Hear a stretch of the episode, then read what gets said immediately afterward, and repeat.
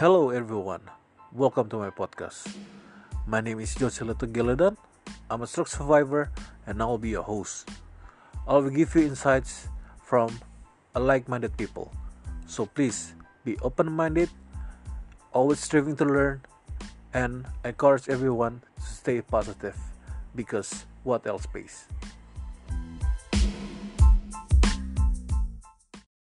Hey, it's me, Joselito Gildan. Welcome back to my podcast. I'm so excited for these episodes because our special guest is Ibu Amanda Katili.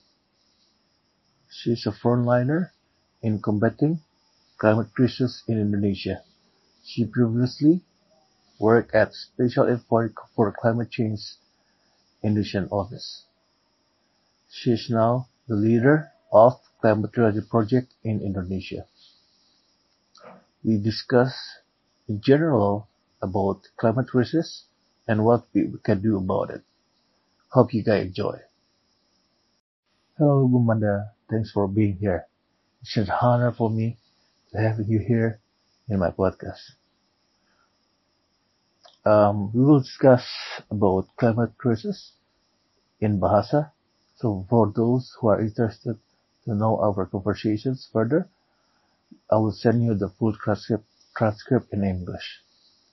Without further ado, my first question is, tolong bisa jelaskan nggak Bu Amanda siapa Ibu Amanda, where do you started, um, tolong cerita sedikit tentang di mana dulu sekolahnya, ambil apa, dan sekarang lagi fokus kerja apa. Terima kasih. Saya memulai pendidikan di Bandung untuk SD dan SMP. Mm-hmm. Kemudian, no SD saja sekolah dasar.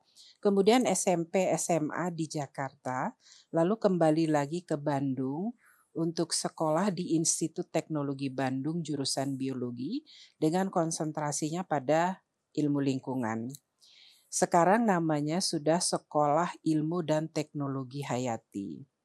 Setelah dari ITB, saya menjadi konsultan lingkungan di sebuah perusahaan tambang selama enam bulan sambil menunggu untuk mendapatkan beasiswa sekolah di Amerika Serikat ketika itu di American University. Jurusannya Ecology and Environmental Management di Washington DC. Jadi ini interdisciplinary, studi interdisciplinary. Setelahnya mendapatkan beasiswa, kebetulan ketika itu pemerintah Indonesia ada cukup banyak beasiswa yang diatur melalui Badan Pengkajian dan Penerapan Teknologi. Sehingga saya mendapat beasiswa tersebut dan sekolah di University of Michigan Ann Arbor untuk mengambil jurusan Natural Resources and Environment. Selesainya tahun 88, kemudian kembali ke Indonesia tentunya kan ada ikatan dinas untuk bekerja di BBB Teknologi sebagai peneliti. Uh, meskipun peneliti karena bidang saya lingkungan hidup ketika itu penelitiannya tidak 100% mengenai lingkungan hidup tetapi mengenai um, science and technology policy. Uh, memang agak uh, tidak berhubungan dengan lingkungan meskipun banyak ilmu, pengetahuan, network yang saya peroleh. Lalu saya merasa saya harus bebas dan uh, tidak terikat dengan uh, birokrasi yang terlalu ketat. Sehingga saya memutuskan untuk berhenti dari BPPT dan menjadi konsultan lingkungan selama lima tahun. Banyak bekerja sama dengan perusahaan-perusahaan multinasional terkait dengan program-program lingkungan mereka. Tapi lalu kembali lagi ke pemerintahan karena mendapat kesempatan untuk menjadi staf khusus Menteri Lingkungan Hidup. Ketika itu Menteri Lingkungan Hidupnya Pak Rahmat Witular. Jadi tahun 2004 sampai 2009 saya menjadi staf khusus uh, Menteri Lingkungan Hidup untuk membantu beliau dalam berbagai bidang antara lain kerjasama-kerjasama internasional. Setelah beliau selesai menjadi menteri, beliau menjadi um, Ketua Dewan Nasional Perubahan Iklim tahun 2009 sampai 2014. Um, saya ikut lagi ke situ dan dipercaya menjadi koordinator bidang informasi edukasi, uh, inf komunikasi, informasi dan edukasi. Hmm. Jadi selama puluhan tahun sejak lulus ITB, sejak menjadi mahasiswa, saya banyak berkecimpung uh, di sektor teknis. Lalu saya merasa bahwa wah ini rasanya kalau hanya bergerak dalam bidang teknis sangat terbatas sekali, sehingga saya tertarik sekali mengadakan kegiatan-kegiatan terkait dengan public outreach. Bagaimana berbagai lapisan masyarakat bisa me, e, memperoleh informasi mengenai hal-hal teknis terkait hmm. lingkungan hidup dan krisis iklim um, ketika Pak Rahmat menjadi menteri, beliau menjadi Presiden Conference of Parties United Nations Framework Convention on Climate Change karena ada pertemuan yang diadakan di Bali tahun 2007. Sejak hmm. itu mulai intens kegiatan-kegiatan terkait dengan krisis iklim sampai di Dewan Nasional Perubahan Iklim tahun 2009 sampai 2014.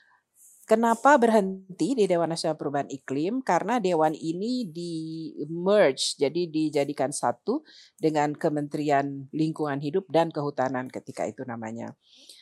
Sudah berubah. Okay. Lalu um, saya tidak ikut ke Kementerian Lingkungan Hidup dan Kehutanan, tetapi ikut dengan Pak Rahmat Witular yang menjadi utusan khusus Presiden di bidang perubahan iklim. Hmm. Tapi sejak tahun 2008 saya mengikuti sebuah pelatihan tentang krisis iklim, tentang mengarus utamakan krisis iklim dan solusinya yang diadakan oleh eh, The Climate Reality Project. Okay. Jadi saya mengikuti uh, pelatihan-pelatihannya juga ada beberapa dari Indonesia, berapa puluh yang ikut sampai saya dipercaya menjadi manajer dari uh, The Climate Reality Project Indonesia, sebuah organisasi independen yang kami dirikan di Jakarta. Jadi sebuah perkumpulan. Sampai sekarang, Al Gore yang merupakan mantan wakil presiden Amerika Serikat dan pemenang hadiah Nobel yang hmm. mendirikan The Climate Project ini bersama rekan-rekannya sudah melatih 20 ribu orang yang mereka namakan Climate Reality Leaders hmm. ada di 154 negara.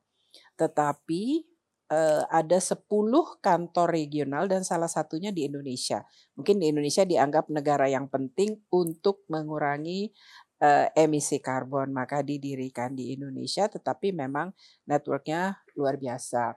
Selesai di uh, kantor utusan khusus Presiden untuk pengendalian perubahan iklim bulan Oktober tahun 2019, tetapi kegiatan terus berlanjut sebagai uh, manager dari The Climate Reality Project Indonesia yang hmm. sudah saya uh, tangani sejak tahun 2009. Okay. So that's my life story in a nutshell. Oke, okay. um, saya ingin tarik ke belakang ibu. Ya. Saya ingin tarik ke belakang. Kenapa sih ibu dari awal sejak kuliah kan bidangnya lingkungan? Boleh gak kenapa ibu memilih bidang lingkungan? Apakah itu passion atau dorongan orang tua atau apa?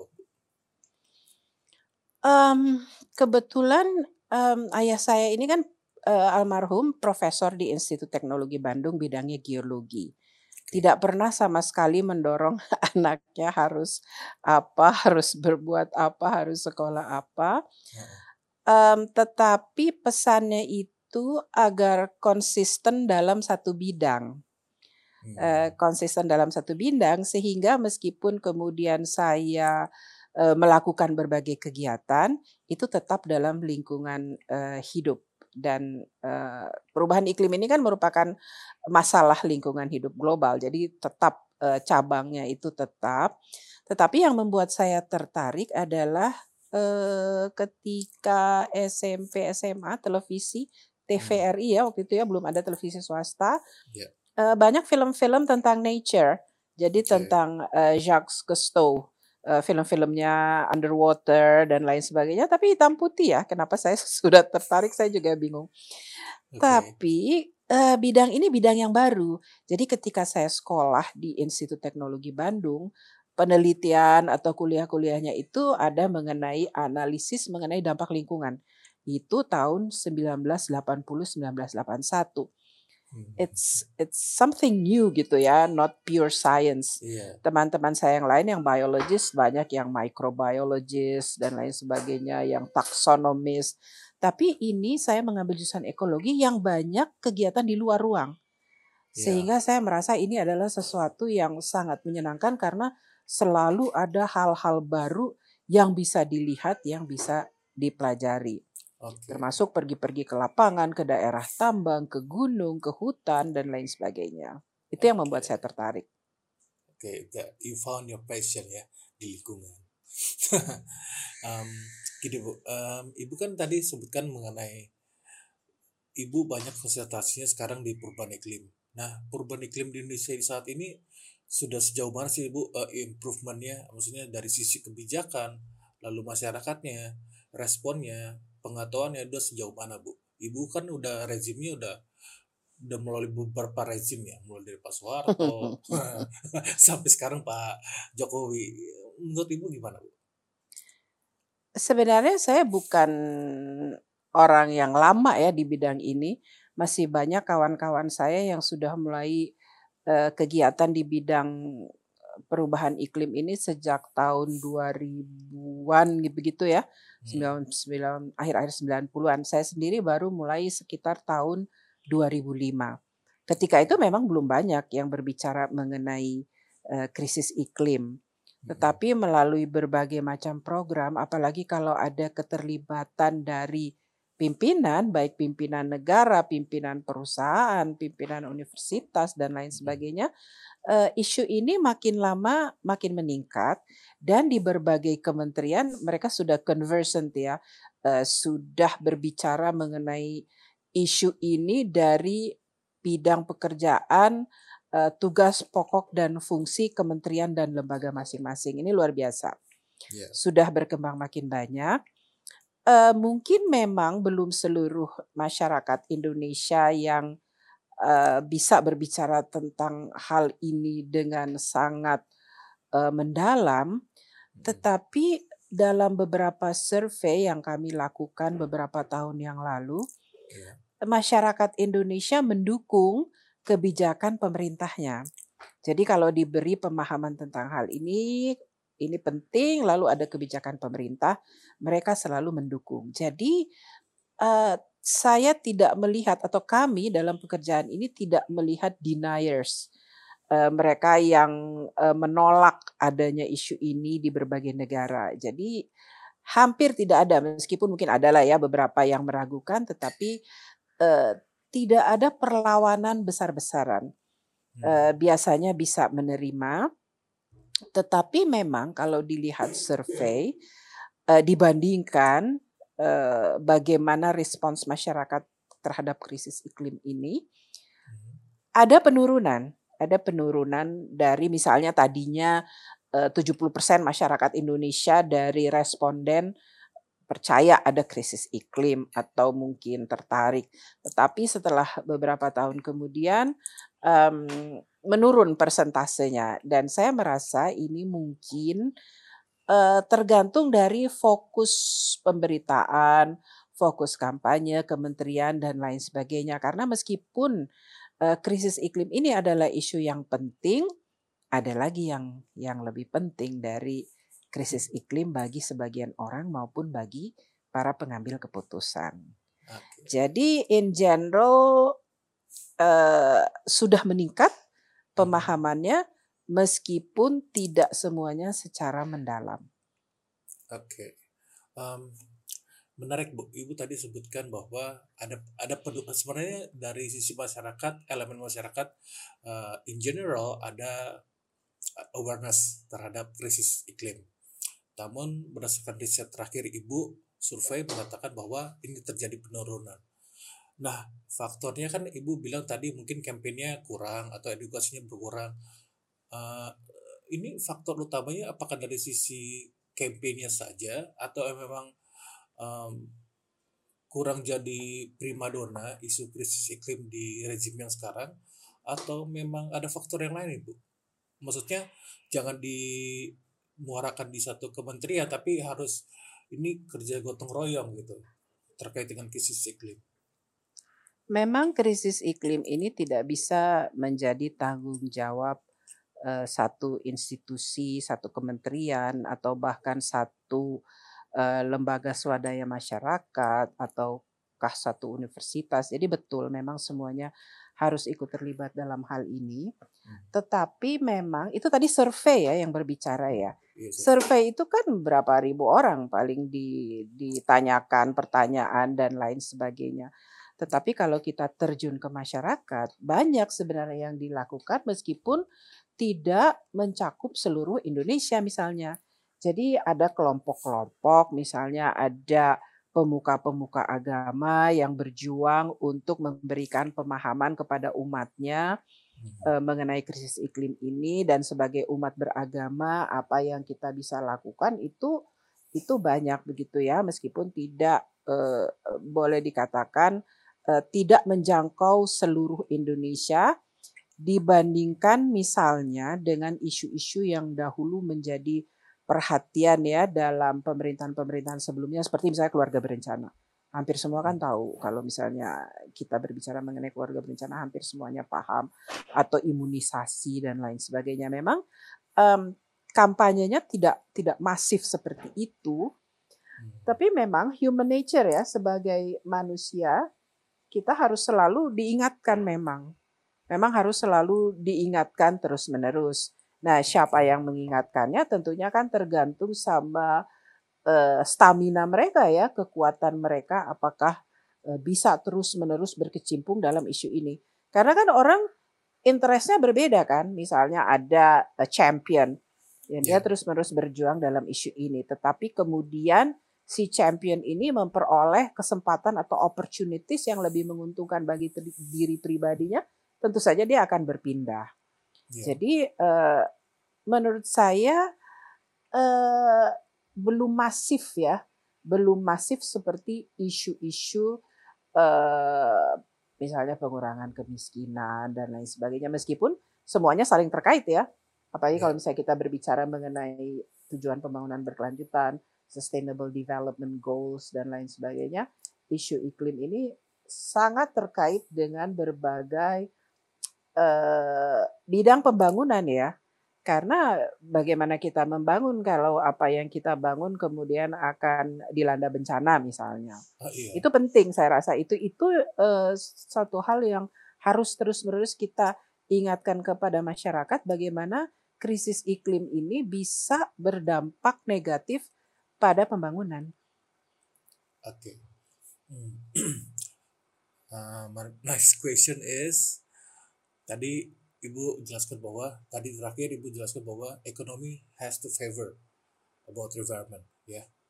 Um, jadi harus sejalan dengan pembangunan infrastruktur pembangunan, pembangunan secara secara ekonomi harus sejalan dengan faktor lingkungan.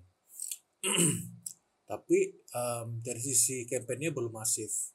Yang baru-baru yang mungkin yang yang lagi trending adalah seperti acara simbolis seperti event simbolis seperti Earth Day Nah, Ibu melihat dari dari tahun ke tahun ini partisipasi masyarakat tuh udah sejauh mana sih Bu untuk Earth Day? Apakah hanya simbolis doang atau mereka memang paham bahwa ini harus dilakukan loh.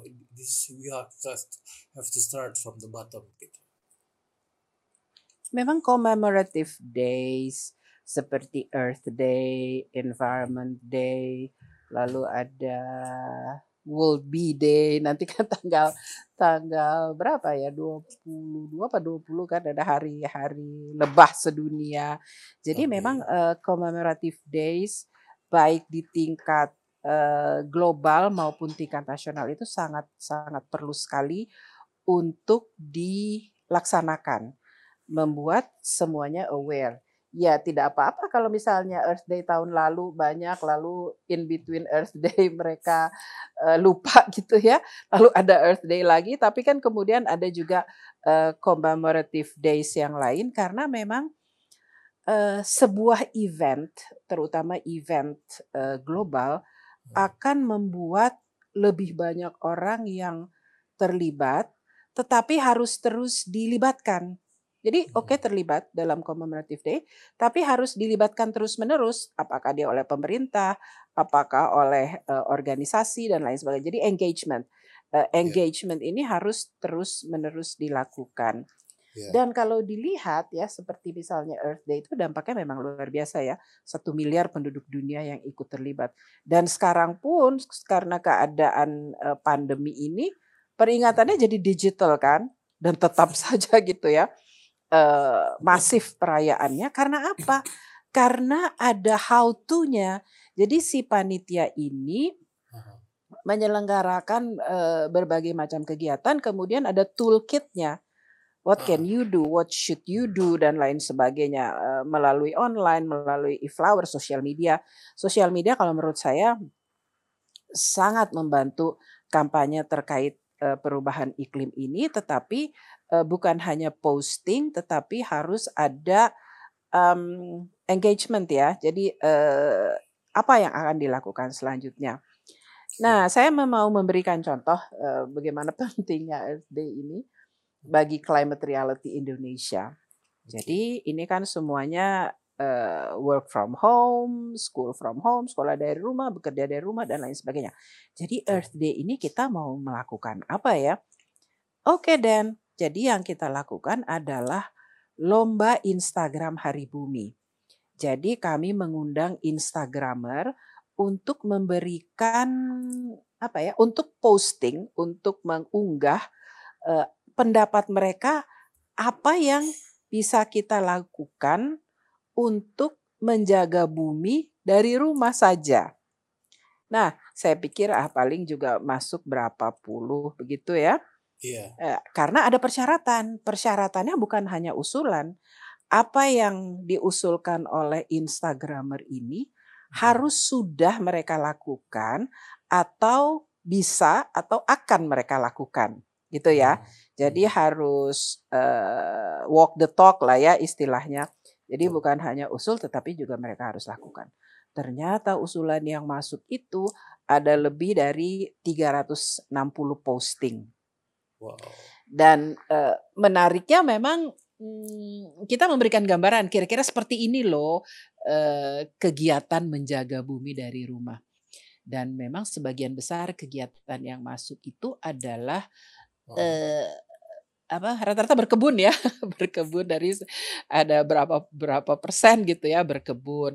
Lalu ada yang uh, kegiatannya terkait dengan daur ulang. Tapi semuanya kan dikaitkan dengan emission reduction atau redu pengurangan emisi karbon. So. um, ada yang kegiatannya digital dan lain sebagainya. Sehingga kami memilih, oh ya kami juga menentukan pemenang ya, jadi semangat. Nah ketika itu, ketika lomba ini berjalan, kebetulan tidak ada lomba lain. Jadi rupanya para Instagramer ini senang begitu ya mengikuti lomba. Meskipun hadiahnya juga tidak besar kalau dibandingkan dengan perusahaan membuat lomba Instagram itu hadiahnya 10 kali lipat. Anyway, jadi menarik sekali sehingga kami memilih 50 yang terbaik atau yang beragam ya menurut kami dan kami terbitkan jadi diterbitkan oleh Climate Reality Indonesia menjadi sebuah e-book lagi-lagi kan digital judulnya Kiat 50 Instagramer jaga bumi di rumah saja. Jadi begitu ya, jadi harus di, diajak, dilibatkan, diramaikan dan lain sebagainya.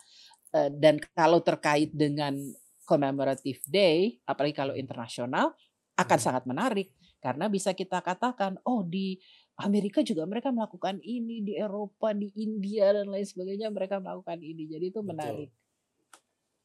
So menarik bu, menarik bahwa um, apa yang dilakukan oleh Climate Reality Project melalui ibu um, menjangkau masyarakat secara luas di Indonesia melalui uh, teknologi sosial media, which is a good uh, a good strategy. Nah, yang pemenang pertama dan kedua dan ketiga itu uh, proyeknya ngapain aja yang mereka akan lakukan di rumah? pemenang pertama hydroponic hydroponic. Okay. Jadi uh, kenapa menarik? Karena dia baru belajar gitu ya hydroponic. Lalu ada 10 gambar dan video. Kan kalau di Instagram itu kan bisa maksimum 10 ya. 10 oh. gambar ataukah video dan lain sebagainya total 10. Dan bagus begitu ya, fotonya bagus. Yang kedua, dia membuat sebuah apa ya, seperti poster hanya dalam satu halaman poster yang dia posting itu dia sampaikan apa saja kiat-kiat untuk menjaga bumi. Kemudian yang ketiga, ini ini kan keputusan tim juri. Tim jurinya itu ada tiga. Yang ketiga itu juga masih soal tanaman, tetapi bagaimana dia memulai sesuatu dari biji uh, sampai tumbuh dan ditumbuhkan di wadah bekas ya. Jadi uh, reuse ya reuse wadah bekas. Nah, hmm. tiga tim jurinya ini kenapa saya katakan menarik karena yang satu influencer. Jadi memang instagramer influencer, yang satu blogger yang memang sudah menang berbagai macam boleh sebut uh, namanya apa ya? boleh sebut namanya biar oh boleh boleh boleh, juga tahu oh ada boleh, influencer boleh. Yang pewarna uh, boleh Uh, namanya Katerina yang satu yang influencer ini dia sering diajak oleh berbagai perusahaan untuk membantu mempromosikan produk mereka, tetapi dia juga sudah berapa tahun bersama kami uh, bergiat dalam mengarus utamakan isu krisis iklim. Jadi uh, namanya Katrina, ada, ada juga uh, Katrina S. Lalu ada lagi akunnya Travelerian, Travelerian karena dia travel blogger. Hmm. Um, satu lagi Amril Taufik Gobel, dia pernah menjadi pengurus blogger se-ASEAN. Jadi memang uh, konsep-konsepnya selalu menarik dan networknya juga bagus dan dia mengatakan uh, dia blogger kolonial ya karena sekarang kan uh, milenial dia mengatakan dia blogger kolonial karena beliau mulai aktif tuh tahun berapa ya tahun 2000-an kalau tidak salah. Lalu satu lagi uh, jurinya saya sendiri untuk melihat muatan-muatan uh, terkait krisis iklim dalam setiap posting Instagram. Tapi uh, yang menariknya, nah ini yang penting dalam kita menyikapi krisis iklim. Mereka itu kan bukan saintis. Oke okay lah, ada yang guru, ada yang apa, hmm. tapi mereka bukan saintis yang yang sehari-harinya mengerjakan uh, kegiatan terkait krisis iklim. Tapi dengan adanya internet, ilmu yang beredar secara luas di internet, mereka bisa menggali. Ini yang hmm. menarik. Mereka bisa menggali, tetapi mereka memaparkannya eh, dengan cara mereka dan untuk audiens mereka. Nah, ini yang sebenarnya kami perlukan dalam bergiat di climate reality. Jadi kita mengajak misalnya komunitas penggemar film, penggemar Star Trek, penggemar Harry Potter dan lain sebagainya. Kemudian waktu itu sebelum pandemi ya, bertemu dengan kami membicarakan ini, kami memperlihatkan slides dan lain sebagainya. Lalu juga kita berkomunikasi misalnya dengan uh, komunitas seni peran dengan teater koma. Bagaimana sih caranya kita bisa uh, how can we convey the message? Bagaimana caranya kita uh, menyampaikan pesan-pesan itu kepada komunitas yang uh, merupakan penggemarnya teater koma misalnya. Memang hmm. ya tadi sebagaimana tadi uh, dikatakan kita tidak bisa sendiri, kita harus mencari komunitas baru, uh, mencari cara baru untuk menyampaikan ilmu-ilmu maupun kiat-kiat yang sebenarnya sudah banyak beredar, tetapi climate reality menyampaikannya secara visual. Jadi dalam pelatihan-pelatihan itu Al Gore memberikan ratusan slides yang tidak semuanya situasi Indonesia, tapi karena ini adalah uh, permasalahan global, jadi yeah. memang ada uh, visual secara global. Wow, and so I think that was genius. And will you do? Uh, apakah ibu akan melakukan lagi ini hal seperti ini di tahun depan mendatang melakukan sayembara yang sama? Untuk Insya Allah. Insya Allah rencana dengan teman-teman sesama juri ini mereka hmm. katakan kita bikin lomba vlog bu katanya kita bikin lomba vlog tapi bu hadiahnya harus besar ya nah ini yang repot harus cari, harus cari sponsor so, so, harus ya. cari sponsor gitu jadi terkait memang sponsor sebenarnya uh, terkait dengan sponsor nih bu mbak hmm? I think it's not that really difficult to find the sponsor dan yang sangat peduli sama lingkungan. Gimana menurut ibu? Ya karena menurut saya sponsor itu pas, pasti datangnya dari korporasi yang besar ya kan? Menurut ibu responnya bagaimana? Tidak mudah loh karena kalau kita mencari sponsor selalu mereka what's in it for them? Apa keuntungannya untuk mereka? Sehingga kebanyakan climate reality ini kan bukan sebuah iya. organisasi yang mempunyai dana yang besar Uh, jadi ada di Indonesia 325 climate reality leaders yang sudah mendapatkan pelatihan Al Gore. Mm -hmm. So mm. my last question is, um, ibu kan punya your own foundations called Omar New Day Foundations ya apakah foundations ini fokus kepada climate change atau aspek hal yang lainnya di di Indonesia tolong bisa jadi ibu... Omar New Day uh, baik um, Omar New Day Foundation ini uh, pendiriannya tanggal pendiriannya tidak jauh dari uh, The Climate Reality Project Indonesia, tetapi ini bergiat dalam bidang uh, culture and culinary arts, uh, bagaimana meningkatkan kepedulian dan juga competent human resources dalam hal uh, culinary arts, agriculture, food and culinary arts di Indonesia. Tetapi ini juga saya kaitkan dengan krisis iklim. Jadi kami mendorong banyak uh, komunitas di uh, berbagai daerah di Indonesia termasuk juga di luar negeri untuk mengangkat citra kuliner lokal. Karena kalau kita konsumsi pangan lokal, kita membantu menyikapi krisis iklim. Okay. Sebab 25% uh, carbon emission ini berasal dari kegiatan uh, pertanian dan pangan dari hulu sampai hilir. Mm-hmm. Oke, okay. um, saya lihat di IG ibu di Omar Yodi Foundation sangat aktif um, dalam membantu frontliners terkait dengan um, the current pandemic. Ya, yeah. saya mau nanya bu, menurut ibu ada correlation nggak between the current pandemic and the climate change, the krisis iklim? ada correlation nggak bu? Dan bagaimana sih mindset kita harus mengantisipasi kedua hal tersebut? Baik itu pandemik baik itu krisis climate. Karena gini banyak orang yang ah krisis, krisis iklim itu seperti apa sih? Itu kan belum kita belum merasakan. Nah ketika pandemi terjadi di masyarakat luas seluruh dunia orang kayak unprepared ketakutan gitu kan everything they lose ekonomi sosial dan macam-macam. Nah, menurut Ibu ada correlation nggak between the current pandemic and the climate change? Itu adalah dua hal yang tidak boleh dikaitkan. Okay. Jadi karena belum ada eh, penelitian yang tuntas yang mengatakan bahwa eh, pandemi ini karena krisis iklim. Tetapi yang sudah jelas diketahui adalah um, COVID-19 ini kan zoonotik karena uh, penyakit karena hewan. Nah, mhm. kenapa terjadi ini? Karena biodiversity, keanekaragaman hayati terganggu. Jadi uh, masyarakat uh, ataupun manusia uh, membutuhkan sandang, pangan dan papan yang berlebihan sehingga mereka mengganggu habitat-habitat berbagai makhluk hidup. Nah, jadi mereka kan e, makhluk hidup ini termasuk virus kan ada rumahnya. Ketika rumahnya diganggu, hutan-hutan ditebang dan lain sebagainya, mereka cari rumah lain kan.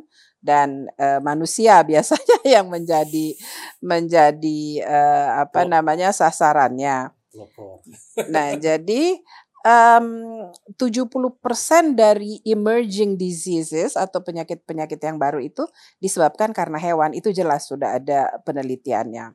Yang bisa kita uh, tarik dari dua hal ini adalah pertama uh, pandemi ini bukan silver lining, jadi dia bukan hikmah yang membuat lingkungan menjadi bersih hmm. karena memang kan harus harus kita tangani masalah sosial, ekonomi, uh, kesehatan ini harus ditangani. Okay. Tetapi bisa menjadi analogi bagaimana kita harus berbuat selanjutnya.